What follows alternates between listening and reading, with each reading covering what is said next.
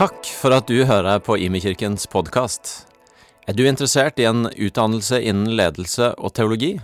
Gå gjerne inn på hlt.no slash stavanger og finn ut mer om heltids- eller deltidsstudier. Jeg heter Hanne Therese. Jeg har gleden av å være en del av pastorteamet her i IMI. Og jeg er så glad for at dere er her. Tenk at vi kan få komme sammen og feire gudstjeneste. Feire dåp. Feire at vi får høre til sammen og til verdens beste far. Jeg lover å begynne med å be.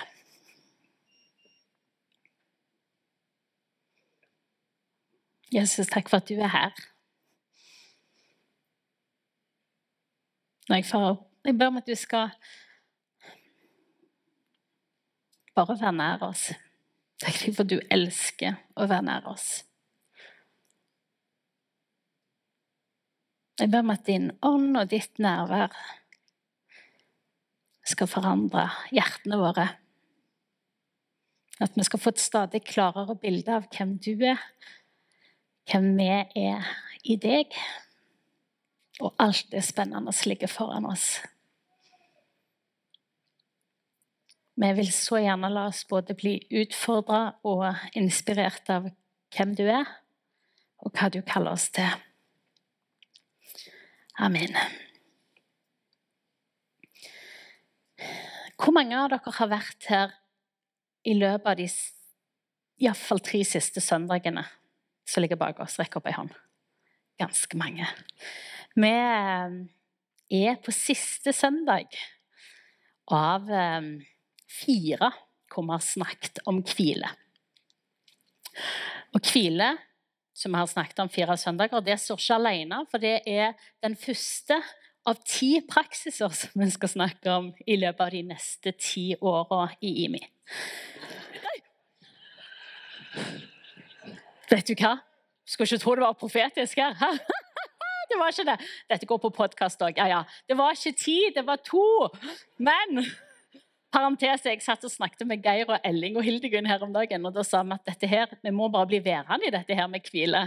Så sa Elling det hadde vært typisk vet du, at vi sier at vi har lagt en plan på fire søndager over de neste to år, og plutselig så sklir det ut allerede på praksis én, og der var vi oppe i fire eller fem eller seks år. Men Foreløpig så holder vi fortsatt på planen. Så vi er på siste søndag av første praksis av ti som skal gå over to år.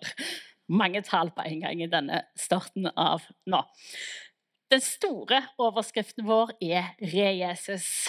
Og det er konklusjonen på en lang prosess hvor vi har snakket om hva i alle dager vil det si at vi er disipler i 2023. Hvordan i alle dager kan vi være folk som høres ut som, ser ut som, tenker som, gjør som Jesus? Hvordan kan vi være folk som ikke bare har Jesus på sida her når det passer seg, men at vi gjør Jesus til sentrum av livet vårt? La han få peke retning, og la det være han vi faktisk følger etter. Det er en superspennende prosess. Vi begynte veldig sånn slow, tenkte vi, med å begynne med hvile. Men jeg vil bare si at jeg kjenner meg allerede ganske utfordra. Det håper jeg egentlig at dere òg gjør, for det hadde vært ganske sånn kjedelig hvis vi har stått her og hamra og hamra på hvile, og dere tenkte dette har vi nede allerede. Er det noen som kjenner at de har fått utfordra seg litt i løpet av de siste ukene? Har noen ærlige sjeler, dere andre? Jeg håper dere har eksperimentert mye. Jeg håper dere har fått prøvd dere. Jeg håper at dere har gjort ting dere ikke vanligvis gjør, for å utvide horisonten og gi mer rom for noe som jeg tror helt bestemt er et veldig bibelsk prinsipp. Bare så det er sagt, Hvis du vil vite mer om det som går på Re Jesus, er det en nettside, rejesus.no. Det fins òg en podkast, Re Jesus-podkast. Og hvis du ikke har hørt de tidligere talene om hvile, så vil jeg på det sterkeste oppmuntre deg til å høre dem. De ligger ute på Imi kirke sine taler på podkast der òg, eller på nettsida. Det ligger helt sikkert der òg. Men det er re Jesus. Men Vi skal snakke om hvile i dag, men jeg tenker at det er absolutt ikke noe bedre utgangspunkt for å snakke om hvile enn det vi akkurat har fått være med og se. Vi har fått feire to dåp. Vi har fått feire Andrea og Selina som har sagt vet du hva, Jesus, jeg vil tro på deg, og jeg vil ta imot det som du har gjort for meg. Og dåpen det er jo Guds vanvittig store, rungende ja til oss. Det er hans 'Jeg elsker deg'. Det har jeg alltid gjort. Det vil jeg alltid gjøre. Det er hans 'Jeg har gitt deg min ånd'. Det er hans 'Du er mitt barn'. Det er hans 'Du hører til i denne her veldig fargerike familien som vi kaller Guds menighet'. Du hører til. Og det er alt på grunn av hvem jeg er. Det handler ikke om hva du har gjort, det handler ikke om hva du har fortjent, det handler ikke om hva du har prestert. Det er helt fritt fra hva du har gjort. Alt hviler på hva Gud har gjort for noe. Og jeg tenker at det er helt fantastisk. Det er helt fantastisk. Det er der vi kommer fra. Det er det som er utgangspunktet for at vi snakker om å høre til Jesus. Det er det som er utgangspunktet for at vi snakker om å være etterfølgere av Jesus. Hva han har gjort, aldri om hva vi har gjort, eller hva vi har fått til. Og jeg vil at det skal være på en måte litt sånn Du kan fortsette å se på dette her dåpskaret i løpet av um, den neste halvtimen. fordi at om det er ti år siden du døpte deg, eller 20 år, eller 50 år, så er det store ja-et som Gud har gitt deg, det er like gjeldende i dag. Den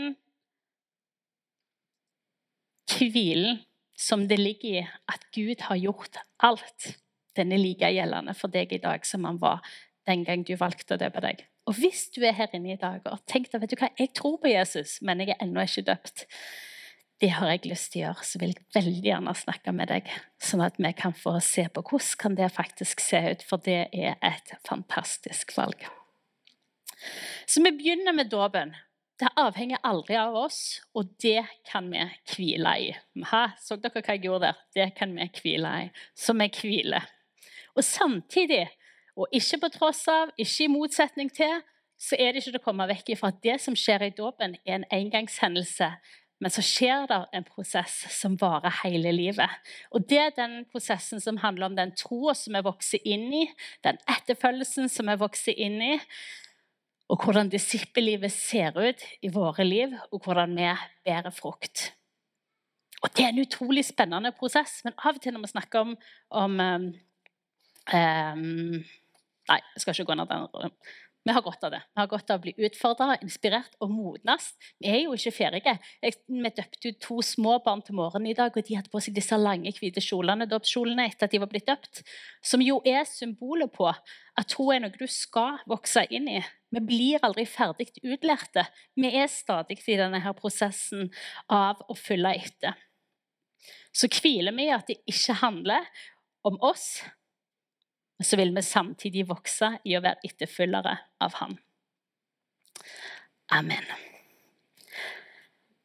Når Geir og jeg eh, Geir, for dere som kjenner meg, jeg er gift med Geir. Vi har gleden av å lede menigheten her sammen. Men når vi har arbeidet med denne taleserien som går spesifikt rundt hvile, så har arbeidstittelen vår vært 'Et bærekraftig liv'. Jeg tror at et bærekraftig liv det trenger å være i et helt annet tempo enn det som er gjeldende for det samfunnet vi er en del av i dag. Hvis du vil leve i et annet tempo enn det samfunnet som du er en del av i dag, så må du ta et aktivt valg på det. Det er ingen som vil velge det for deg. Du er nødt til å selv være ansvarlig for eget liv og velge er det dette tempoet jeg har lyst til å innordne livet mitt etter, eller er det noe annet her. Kulturen i samfunnet vårt den hjelper oss ikke til det. Og en har sagt det sånn at Vi er nødt til å definere på en måte våre egne motkulturer for å unngå den vanvittige travelheten. Og det krever at vi velger aktivt. At vi aktivt finner motpraksiser som er for, viktige for oss for å sikre at travelhet ikke blir sporet vårt, at utslithet ikke blir sporet vårt, og at utbrenthet kanskje litt lenger på veien blir sporet vårt. Å, oh, Karine, kan jeg få de? Fantastisk. Disse to bøkene The Ruthless Elimination of Hurry, John Mark Homer. Beautiful Resistant av John Tyson. Dere begynner snart å ha sett at vi har trukket de fram og snakket om de til det kjedsommelige. Men eh, jeg, i utgangspunktet jeg elsker bøker. Men denne boka for meg er det et før og et etter. Beautiful Resistance det er sånn at jeg har sagt at den får ikke stå i bokhylla, fordi at der sauses han sammen med alle de andre bøkene. Den må være framme i stua, sånn at jeg kan minnes på hva er det for noe som er viktig for meg. Og de har vi, Mange har spurt hvor får vi tak i de, så vi har kjøpt inn en del av de. Eh, ikke faktisk ikke så mange. Vi kjøpte bare ti av hver. Allerede solgt noe på G11. Men hvis du vil ha tak i de, så kan du få kjøpt de ute.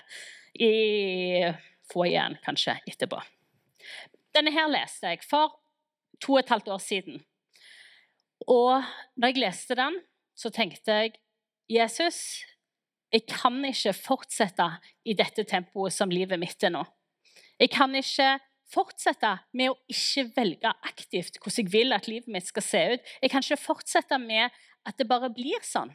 At livet mitt på en måte bare blir sånn som et resultat av at jeg er en del av den kulturen som jeg er en del av. Jeg trenger å aktivt eie mitt eget liv, min egen tid og min egen retning. Um, og Det gjorde at jeg og Geir hjemme i huset vårt vi begynte ganske aktivt å øve oss på ting som har med hvile å gjøre. Hvordan ser dette her ut? Helt praktisk, hvordan ser det ut i forhold til mobilbruk? Hvordan ser det ut i forhold til eh, hvor mange timer i løpet av døgnet vi velger å sove? Hvordan ser det ut i forhold til rytme i uka? Men vi begynte i hvert fall å øve oss veldig. Eh, og for å være helt ærlig så ser jeg at jeg er jo langt ifra utlært ennå. Vi har holdt på her nå bare i tre uker, jeg tenker bare å, jøy meg, jeg har fortsatt så veldig mye å lære tre år lenger nede på veien. Sannheten er at travelhet det er et problem i den tida vi lever i. Og jeg tror faktisk ikke at løsninga for oss hadde vært å fått mer tid. Vi trenger ikke mer tid. Hadde vi fått mer tid, så hadde vi bare fulgt den med flere greier. Vi trenger å velge aktivt, vi trenger å leve saktere. Vi trenger å forenkle livet for å bli folk som elsker. For å bli fredens folk. For å ikke bare suse av gårde, men for å være hva vi er kalt til å være. Du ser, Vi er kalt å følge etter Jesus, og Jesus han går i et ganske sånn rolig tempo. Vi leser aldri om at Jesus springer. Han har det aldri travelt. Han haster aldri noe sted. Så hvis vi følger etter Jesus, så er det faktisk et poeng med ok, hva tempo er det jeg har, og ikke springe i forkant.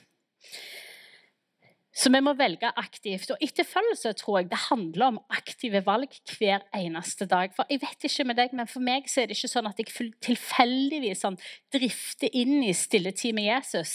Eller tilfeldigvis sitter der med andaktsboka mi. Altså, jeg må velge det aktivt skal det være en del av livet mitt. Så mens jeg har holdt på med dette her med travelhet, så er det et annet nøkkelord som har vært viktig for meg. Det handler om at Jo mindre travel jeg blir, jo mer ser jeg at jeg klarer å være til stede. Og tilstedeværelse har blitt et nøkkelord.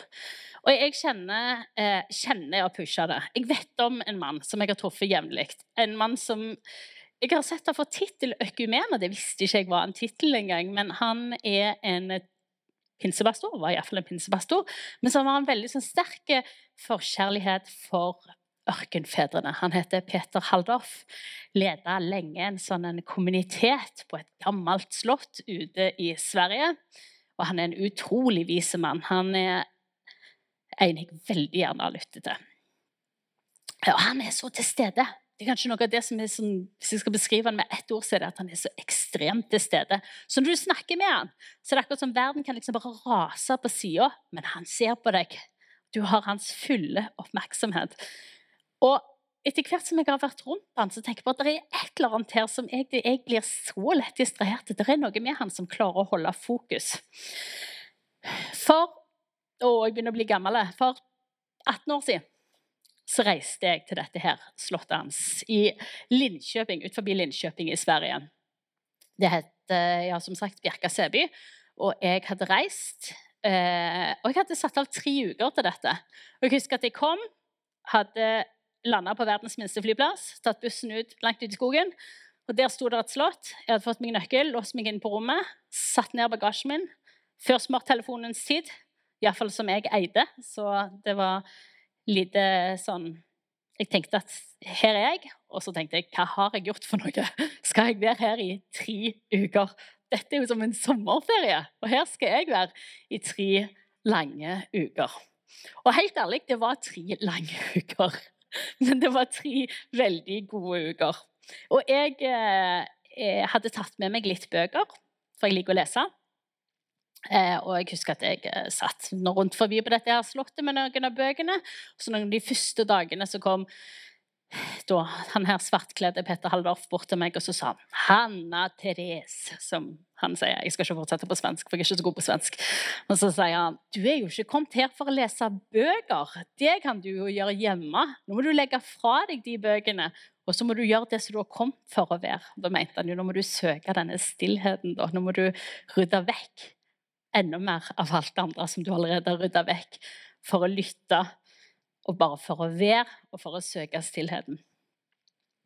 Og det var tre ganske absurde uker, men det var tre veldig gode uker. Og helt ærlig, Jeg vet ikke om jeg kommer til å få det noensinne igjen. Det var før, før jeg hadde mann og barn og huslån og alt det sånn. Livet ser litt annerledes ut nå. Men, men de tre ukene de lærte meg vanvittig mye. Og jeg merket at etter hvert som jeg ble venn med stillheten rundt meg, så ble det òg stadig stillere inni meg. Og når jeg merket at uh, denne tida mi her den går mot en slutt, så ble jeg litt redd for hva skjer når jeg skal hjem igjen. For jeg vet at tempoet når jeg kommer hjem, er helt annerledes. Lydnivået er helt annerledes. Inntrykket er så veldig mye tydeligere. Så jeg snakket med Peter, og han sa nei, du blir jo ikke sånn som dette her når du kommer hjem heller, men eh, du må lage deg gode du må lage deg en rytme for når du kommer hjem.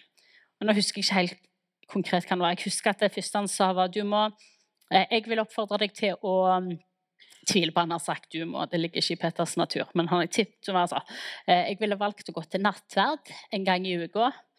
Eh, reist vekk et døgn i måneden og sikre deg at du får en sånn god bolk med tid vekke en gang i året. Et eller annet sånn. Eh, en type rytme. Og det ble faktisk litt sånn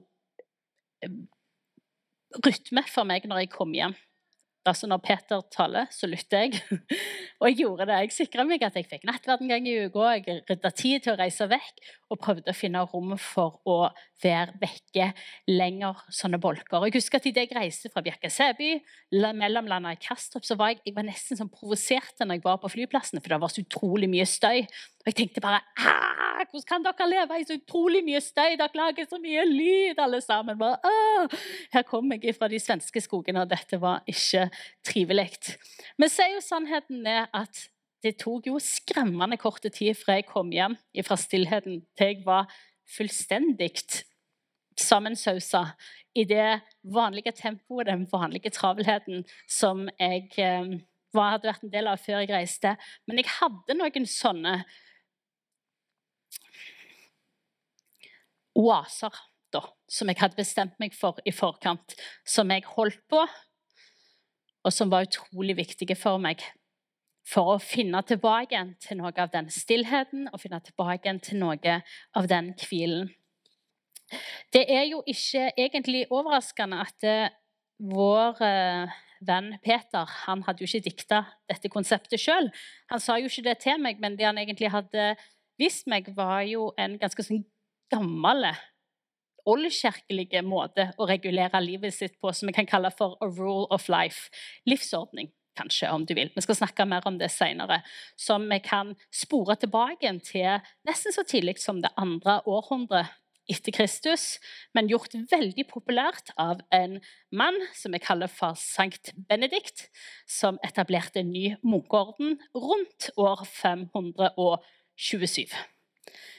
Hans rule of life var veldig omfattende. For det kan du gjøre når du bor i et kloster og ikke har andre forpliktelser. Mens Peters rule of life og det vi skal snakke om senere, passer litt bedre kanskje for vår hverdag. Men eh, vi skal snakke litt mer om det senere. Men faktum er at vi skal bruke litt tid på å snakke om dette med det verktøyet i dag. Og det er litt rart å lage et verktøy til utgangspunkt for en tale. Men fordi vi skal snakke så mye om praksiser, så tror jeg at dette her òg er eh, en vesentlig del av at disse praksisene blir liv for oss. Fordi at vår bønn, skråstrek min store skrekk, er jo at vi har øvd oss i tre uker, og så var det spennende og utfordrende, og så ble det ikke mer enn det. Målet vårt er jo at vi skal fortsette å eksperimentere, vi skal fortsette å øve oss. Vi skal fortsette å la oss utfordre, vi skal fortsette å prøve, vi skal fortsette å feile, vi skal fortsette å prøve videre igjen. Fordi vi har lyst til å sikre oss at hvile blir en del av livet vårt. Ikke fordi vi skal bli steingode på å hvile, men fordi vi har lyst til å være et folk av fred. For vi følger jo etter Han som er fredsfyrsten, så det er helt naturlig at fred får god plass i livet vårt òg. Gir det mening? Så målet er jo ikke praksisen i seg sjøl, men, men hvem blir jeg når jeg gir rom for denne praksisen? Vi skal se litt kort på hva vi har sett på eh, i, i uh, ukene som ligger bak. Og Den første søndagen så snakket Elling om å ha tro for å hvile. Eller den åndelige disiplinen sakte. Elling utfordrer oss på å sette deg i situasjoner hvor du sjøl må vente. Jeg vet Noen har elska og hata dette. Eh, det finnes mange gode tips for hvordan dette her kan se ut borte på tavla senere. hvis du vil la deg utfordre på det. Men teksten som han refererte til, er teksten om Martha og Maria. Eh, du kan få en lengre utgreining om alle disse tingene jeg skal si nå fra de forrige søndagene. hvis du hører podkastene, men jeg skal gjøre det litt kjapt. Teksten fra Martha om Martha og Maria fra Lukas 10. Eh, der er det et vers som jeg har bedt meg merke i. Der står men Herren svarte henne, Martha, Martha, du gjør deg strev og uro med mange ting, men ett er nødvendig. Maria har valgt en gode del, og den skal ikke tas fra henne. Der står det 'ett er nødvendig'. Det kan også oversettes med 'lite er nødvendig'. Når jeg leser det, så kjente jeg oh, det er jo helt riktig at jeg kan godt tenke at det er så vanvittig mange ting jeg må gjøre. Det er så mange ting som er viktig. Jeg tenker at det er så veldig mange ting som er nødvendig. Og så er det Jesus som sier at det er faktisk ikke det. Det er, det er lite som er nødvendig. Jeg kan gå an i diskusjon med min sønn på seks år, for jeg sier av og til du må ingenting, og så må han jo av og til noen ting. Men det Jesus sier her, er du må veldig lite ting. Det er lite som er nødvendig. Det er noen ting som er veldig veldig, veldig viktig, så det er en del andre ting som faktisk ikke er fullt så viktig. Og så sier han Maria har valgt en god del, og den skal ikke tas fra henne. Sannheten er jo at begge de to valgte, både Martha og Maria valgte, men Maria gjorde gode valg for livet sitt.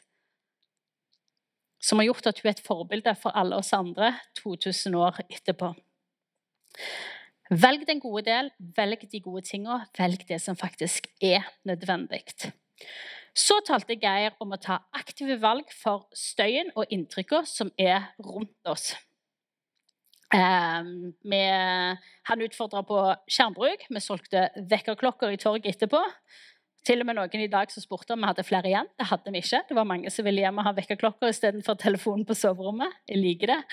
Eh, og så refererte han til et bibelvers fra Matteus 11. Kom til meg, alle dere som strever og bærer tunge byrder, og jeg vil gi dere hvile. Kom til meg, og jeg vil gi dere hvile. Jeg liker det. Kom til meg, jeg har hvile for dere. Ikke bare sånn hast videre og ving til Jesus i forbifarten og si 'Se så flink jeg er, Jesus! Se alt jeg gjør for deg! Se alt jeg gjør for alle andre!' Nå må jeg skynde meg videre. Men Kom og bli. Ta imot det som jeg vil gi deg. Stopp lenge nok opp til meg, med meg til at du faktisk tar imot det som jeg har for deg. Så Forrige søndag så talte Karina om dette her med å faktisk ha balanse i livet. Og gjør det eh, helt konkret med å ha en egen dag satt av til hvile. Karine utfordrer på hvordan i alle dager ser dette ut for deg. Og jeg vil bare som en parentes si at det å velge helligdøgn, som vi har kalt hos oss, eller en hviledag, har vært av de absolutt aller beste valgene som vi har gjort som familie. Hun refererte til skapelsesberetningen, sant, hvor Gud skaper verden og alt som fyller han på seks dager. Og den siste dagen så fullfører han verket sitt, og da står det at han hviler fra hele det arbeidet han hadde gjort. Og jeg tenker at Det er så lett for oss å skyve vekk den siste biten der som går på hvile, og tenke at ja, ja, det er ikke så viktig, da. Men så vet vi at hvis vi ser på skaperverket, hvis vi hadde tatt vekk en av de andre dagene av det Gud hadde gjort, så hadde vi klussa til hele systemet. Vi kan jo ikke leve med, eh, uten sol. Vi kan ikke leve uten grønne planter. Hvis vi tar vekk eh, eh, fugler og fisker, så ødelegger vi hele næringskjeden. Altså liksom, vi kan ikke ta vekk noen av de andre dagene, så det er akkurat som vi rettferdiggjør for oss sjøl at ja, men, hvile er liksom litt på sida.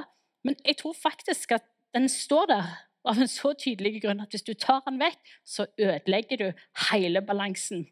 Du ødelegger Du ødelegger. Punktum. Så det sier noe om alvoret av å faktisk velge å hvile. Uka vår er ikke fullført. Verden vår er ikke fullført. Den er ikke god hvis det ikke er hvile der. Og Så skal vi stoppe litt i Johannes 15. Der står det Bli i meg, så blir jeg i dere. Slik som greinen ikke kan bære frukt av seg selv, men bare hvis den blir på vintreet, slik kan heller ikke dere bære frukt hvis dere ikke blir i meg. Jeg er vintreet, dere er greinene. Den som blir i meg og jeg i ham, bærer mye frukt. For uten meg kan dere ingenting gjøre. For ved dette blir min far æret, at dere bærer mye frukt og blir mine disipler. Som far har elsket meg, har jeg elsket dere. Bli i min kjærlighet. Og Nøkkelordet her i denne teksten er jo 'bli'. Jeg vet ikke om du så at den ble nevnt ganske mange ganger. Bli. Bli værende. Ikke gå noe sted. Bli, fordi da kan du bære frukt. Og Det å bære frukt det er jo et helt tydelig mål i denne teksten, men ikke som en sånn 'dette skal du få til', men det er som en helt naturlig konsekvens av at når du blir, så bærer du frukt. Uten meg kan dere ikke gjøre noen ting, står det i denne teksten. Men når vi blir, så får det faktisk så synlige konsekvenser for oss at vi bærer frukt, at vi modes som disipler. Vi velger det aktivt, det å bli, det å være kobla på. At vi ikke haster videre. Men vi blir. Vi blir kobla på. I Salme 46 så står det på engelsk 'Be still and know that I am God'. Men på norsk så står det Hold opp, kjenn at jeg er Gud. Hold opp og kjenn at jeg er Gud. Og jeg liker det godt. Hold opp. En annen oversettelse, en parafrase, står det 'Pause in his presence'. Stopp opp i hans nærvær. Eller som vår alles kjære Irene Cave, parentes bursdagsbarnet i dag, sa Pust inn Guds fred, og pust ut ditt strev. Disse tekstene som vi har snakket om i mange søndager nå Jeg skal komme tilbake til Johannes 15-teksten. Men alle disse tekstene de handler om å stoppe opp, gi rom, ta imot, hvile. Slippe alt du bærer på i egen kraft. Bli, kom. Det er lite som er nødvendig. Velg det gode. Ta imot. Stopp opp. Hold opp. Så det er som om dette er himmelens sånn gode pusteteknikk. Vi puster dypt inn, vi senker skuldrene, vi tar det rolig, og vi er til stede. Hvile det er liksom en sånn pulsslag og en sånn rytme gjennom hele Bibelen. Og Det er òg min bønn at det skal bli det for oss òg. Og for at det skal bli det for oss òg, så kan det ikke bare bli at vi eksperimenterer med det i noen uker, men at det blir en livsstil. Og For at det skal bli en livsstil, så trenger vi gode verktøy. Og det skal jeg si noe om nå.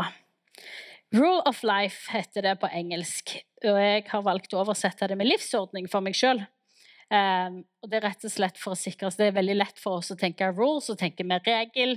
Vi tenker regler for livet, og så plutselig fikk du alle fordommene du hadde for kristen tro, oppfylt. Men denne veldig eldgamle verktøyet, det kommer fra det latinske ordet som heter regula, hvor vi har vårt ord reguleringer fra. Så det handler ikke om regler, men det handler i mye større grad om ordninger. Og de, noen argumenterer for at av, dette ordet òg var det ordet som ble brukt til Nå kommer referansen til Johannes 15-teksten. At når vintrærne skulle eh, For de skal bære mye frukt, så trenger de det vi på norsk kaller for espalier, men sånne ting som de kan vokse til. Sant? Det ser ut som staur, staur, vaier på. Ikke i det andre århundret, de hadde et eller annet men noe som vintreet kan vokse opp etter. Fordi at hvis vintreet er vilt og bare vokser nedover langs bakken, så vil det for det første bære mye mindre frukt. Det vil være mye mer utsatt for dyr og insekter og andre som spiser det, og tredje for sykdommer. Så for at vintreet skal bære mye frukt, så står det i en struktur med et støttesystem. Eh, noe som bærer det for at det får rom, og for at det vokser på best mulig vis. Så når folk forholdt seg til denne her livsordningen skulle til å si regel for livet, men det var jo akkurat det det ikke var. livsordningen, Så var det på en måte dette bildet de så for seg. Støttesystem og struktur for livet for at en skulle kunne bære mer frukt, og for å sikre at en tok de valgene for livet sitt som en faktisk ønska. Og legg merke til, Det er en ordning, det er ikke en regel, det er ikke en lov. Det er ikke noe som er gitt fra en sånn eksterne kilde. Det er ikke noe sånn skam, skyldbasert. Men en livsordning er noe som handler om din relasjon med med Gud, med fleksibilitet, med, sammen med Den hellige ånd, og det hjelper deg mot fred.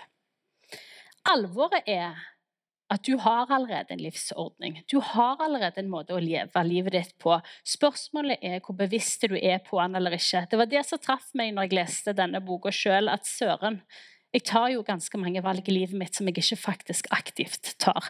Du har nok mest sannsynlig allerede en morgenrutine. Du har allerede en måte å bruke pengene dine på. Du har allerede gjort konkrete valg på hva du velger å spise, og hvordan du velger å bruke kroppen din, og alt det sammen. Men spørsmålet er jo om du har aktivt valgt det, eller om det bare har blitt sånn. Så det første spørsmålet er jo faktisk vet du hva din livsordning er, og det neste er Vet du hva den ordningen som du har valgt, bevisst eller ikke bevisst, gjør med deg? For de tingene som vi gjør, de gjør noe med oss. Hjelper den livsordningen deg til å være den som du har lyst til å være?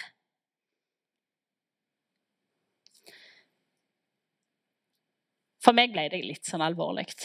Og jeg er langt ifra i mål, men jeg er i hvert fall på vei å finne ut av hva aktive valg tar jeg for å bli en person som bærer Guds fred. Som gjør at jeg tar retningen som går i etterfølgelse av Jesus. Det er en som definerte sånn at um, Rule of life er et sett av praksiser og relasjonelle rytmer, planlagte og spontane, som er der for å ta imot og gi kjærlighet til Gud og til andre. Og Jeg skal gjøre det superkonkret helt til slutt. Det betyr veldig enkelt å ta veldig aktive valg rundt konkrete praksiser som du vil ha inn i en rytme. Som dere husker Peter Haldorf sa til meg, sikre deg nattverd, sikre deg rom til dette og dette og dette. Ok, hvordan i alle dager ser dette her ut? Vi har øvd oss på hvile i tre gode uker. Vi har jo ikke tenkt at det skal slutte nå. Så spørsmålet er jo hvordan vil du lage en rytme på dette videre? En livsordning, om du vil. Hvordan ser det ut for deg daglig? Hvordan ser det ut for deg ukentlig, for måneden, semesteret eller årlig? Det er på en måte dette som faktisk er det veldig supersimple, men tidvis ganske graverende verktøyet. Rule of life eller livsordning. Noen av oss elsker ikke tanken på disiplin. Men samtidig må vi bare forholde oss til at de valgene vi tar, de former oss uansett. Noen har sagt at livet ditt det er bare et biprodukt av livsstilen din. Så det er faktisk sikkert vet du hva, jeg har tatt de valgene som jeg har lyst skal forme meg. Og jeg vil fortsette å velge de. Til og med når jeg egentlig ikke har lyst. sant? Det er jo ikke så mye at eh, vi bare gjør disse greiene de gangene vi føler at det er et godt valg. En pusser ikke tennene de gangene en bare har kjempelyst til å pusse tennene. En pusser tennene hver dag, helst morgen og kveld, fordi en vet at det er konstruktivt. Og Sånn er det litt med rule of life. òg. du har bestemt deg for vet du hva, dette vet jeg er bra for meg, så jeg holder på dette her så tydelig.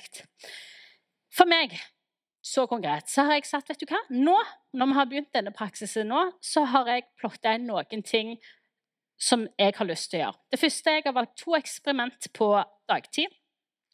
Daglige eksperiment. Jeg vil ikke se på telefonen før klokka åtte. Det funker for meg og i min jobb. Det er sjelden noen som trenger meg før jeg har kommet meg inn dørene her. Og det gjør at jeg slipper å begynne dagen med meldinger eller nyheter eller mail som jeg burde forholde meg til, eller et eller annet. Jeg slipper å begynne dagen i jobbmodus og i at det koker i hodet, men får være i mye større grad til stede. Det andre er at jeg ikke leser nyheter før etter klokka åtte på kvelden. Det var absolutt det verste valget for meg å ta av disse tingene. For jeg liker godt å lese nyheter. Jeg flåser med at jeg scroller ikke på Instagram og Facebook, for det slutta jeg med for ganske lenge siden og meldte meg ut. Men jeg scroller på nyheter på nyheter. Det høres ut mye frommere ut, men det er vel så lite konstruktivt som det andre tinget. Så jeg fant ut at jeg er nødt til å sikre meg at jeg tar et aktivt valg på det. Så jeg ser ikke på nyheter før etter klokka åtte. Og så har vi som familie vi har et helligdøgn. Vi har ett døgn i uka hvor vi rydder til sides alt annet. Og så har jeg sagt til Geir at i løpet av dette semesteret så er vi nødt til å reise på tur uten ungene. Satser på at mamma sier det er en god plan òg. Noen må passe på dem. Det er ikke et mål når det gjelder sånne eh, reguleringer, å fylle opp alle punkter. Poenget er at du tenker gjennom okay, hva funker for meg der som jeg er. Hvordan kan jeg ta et godt valg her? Um, bare ikke velg bare det punktet som heter årlig. Finn noe som er litt mer jevnlig enn det. Og så er det jo faktisk også et godt poeng å si at vi er underveis. Det er jo veldig deilig å kunne vite at vi er underveis. Dette her er ikke noe vi skal være ferdige med nå. Om du ikke får det til, eller om det ikke ble det du hadde sett for deg, så helt greit, vi prøver igjen. Det er mye nåde på disse tingene her. Vi kommer opp på hesten igjen. Jeg skal si noe superkort om hva det ikke er, og noe om konstruktive måter å velge, og så skal vi avslutte. Dette her er ikke en sånn rigide, loviske to do-list som du bare skal sikre deg at vet du hva, her burde jeg være, så jeg setter valg deretter. Dette handler om å ta valg for der du er nå, i din situasjon, og noe som funker for deg. Det er ikke one size fits all. Det som funker for Geir, funker ikke for meg, eller kanskje for dere. Det ser forskjellig ut. Det er ikke en sånn at nå skal jeg stappe enda flere ting inn i timeplanen min. greia. Målet er jo faktisk å rydde vekk flere ting, sånn at en får tid til hvile. Og så er det òg et vesentlig poeng at dette er ikke målet. Denne lista her er ikke målet. Målet er å få være med Jesus, å få bli lik han, og få gjøre de tingene som han ville gjort hvis han var deg. Om du blir dritgod på å ha en sånn oversikt som dette her, og blir steingod på disiplin, så er det faktisk det er ikke det som er målet i det hele tatt. Det er faktisk ikke sånn kjempeviktig. Målet er jo Lar du deg prege av Han? Får du følge etter Han? Får du være en person av fred? Jeg ville gjort dette her superenkelt. Ikke begynn superavansert. Mest sannsynlig er ikke du og Munch som lever oppe i skauen et sted. Velg noe som funker der du er. Gjør det kjempekonkret. Ikke si 'jeg skal leve roligere'. Hvordan skal du leve roligere? Skal du sette av fem minutter til å sitte i stolen og meditere over livet hver dag? Skal du begynne dagen din, og før du setter beina i bakken, så sier du 'Jesus, takk for dagen', les en salme, gå ut. Finn noe superkonkret, ikke vær sånn abstrakte. Velg det som passer for din personlighet og hvem du er, og velg ut ifra den sesongen som du er i. Det ser annerledes ut for deg om du har små barn, eller om du har syke foreldre som du passer på, eller kanskje du er syk, eller kanskje livet bare er krevende. Vet du hva? Dette her er ingen konkurranse. Velg ut ifra hvor du er. Dette er ikke sånn press eller stress eller sånne ting. Motivet vårt er ut ifra kjærlighet. Og husk at dette er et arbeidsdokument. Det er dynamisk, det er ikke statisk. Hvis det ikke funker lenger, målet at det skal dra deg nærmere Jesus. Hvis det ikke funker lenger, så reviderer vi og gjør det om igjen. Fire steg for å gjøre dette her. Finn ut av hvor du er henne. Hva bruker du faktisk tida di på? Hva er statusen din på valgene som du gjør? Det neste er å finne ut av hva som er faktisk det viktigste for deg. Timeplanen din fyller seg fort opp. Du må ha liksom the non-negotiables first. Hva er det som faktisk er nødvendig? Det tredje er test det ut. Prøv det ut noen uker. Funker det? Gir det deg liv? Syns du det er superkjedelig? Finn ut av det.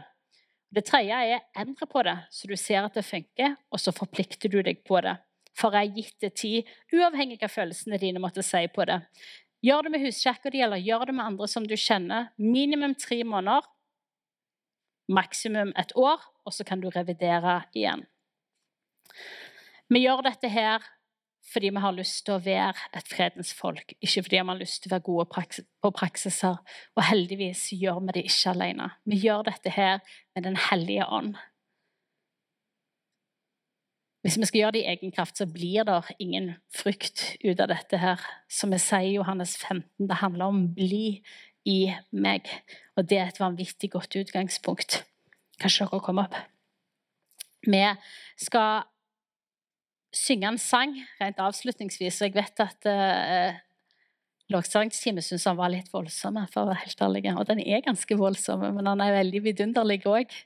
Fordi at uh, vi har sagt at vi har lyst til å være folk som har lyst til å følge etter han. Og sannheten er jo at vi tror at det må få synlige uttrykk i livet vårt. Vi kan ikke bare snakke om at vi tror på han, men vi har lyst til at det skal være sånn at folk faktisk kan få erfare at når de er rundt oss, så kan de få høre Jesus, eller de kan se at her er det folk som har lyst til å gjøre sånn som Jesus ville gjort.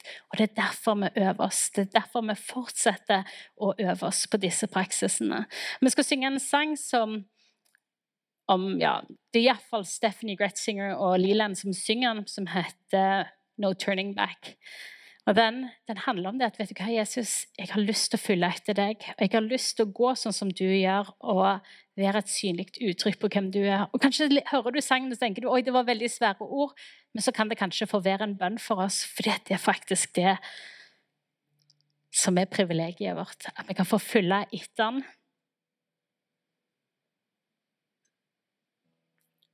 Og få være synlige uttrykk for Jesus for alle de som er rundt oss til hverdags. Vi reiser oss, og så ber jeg.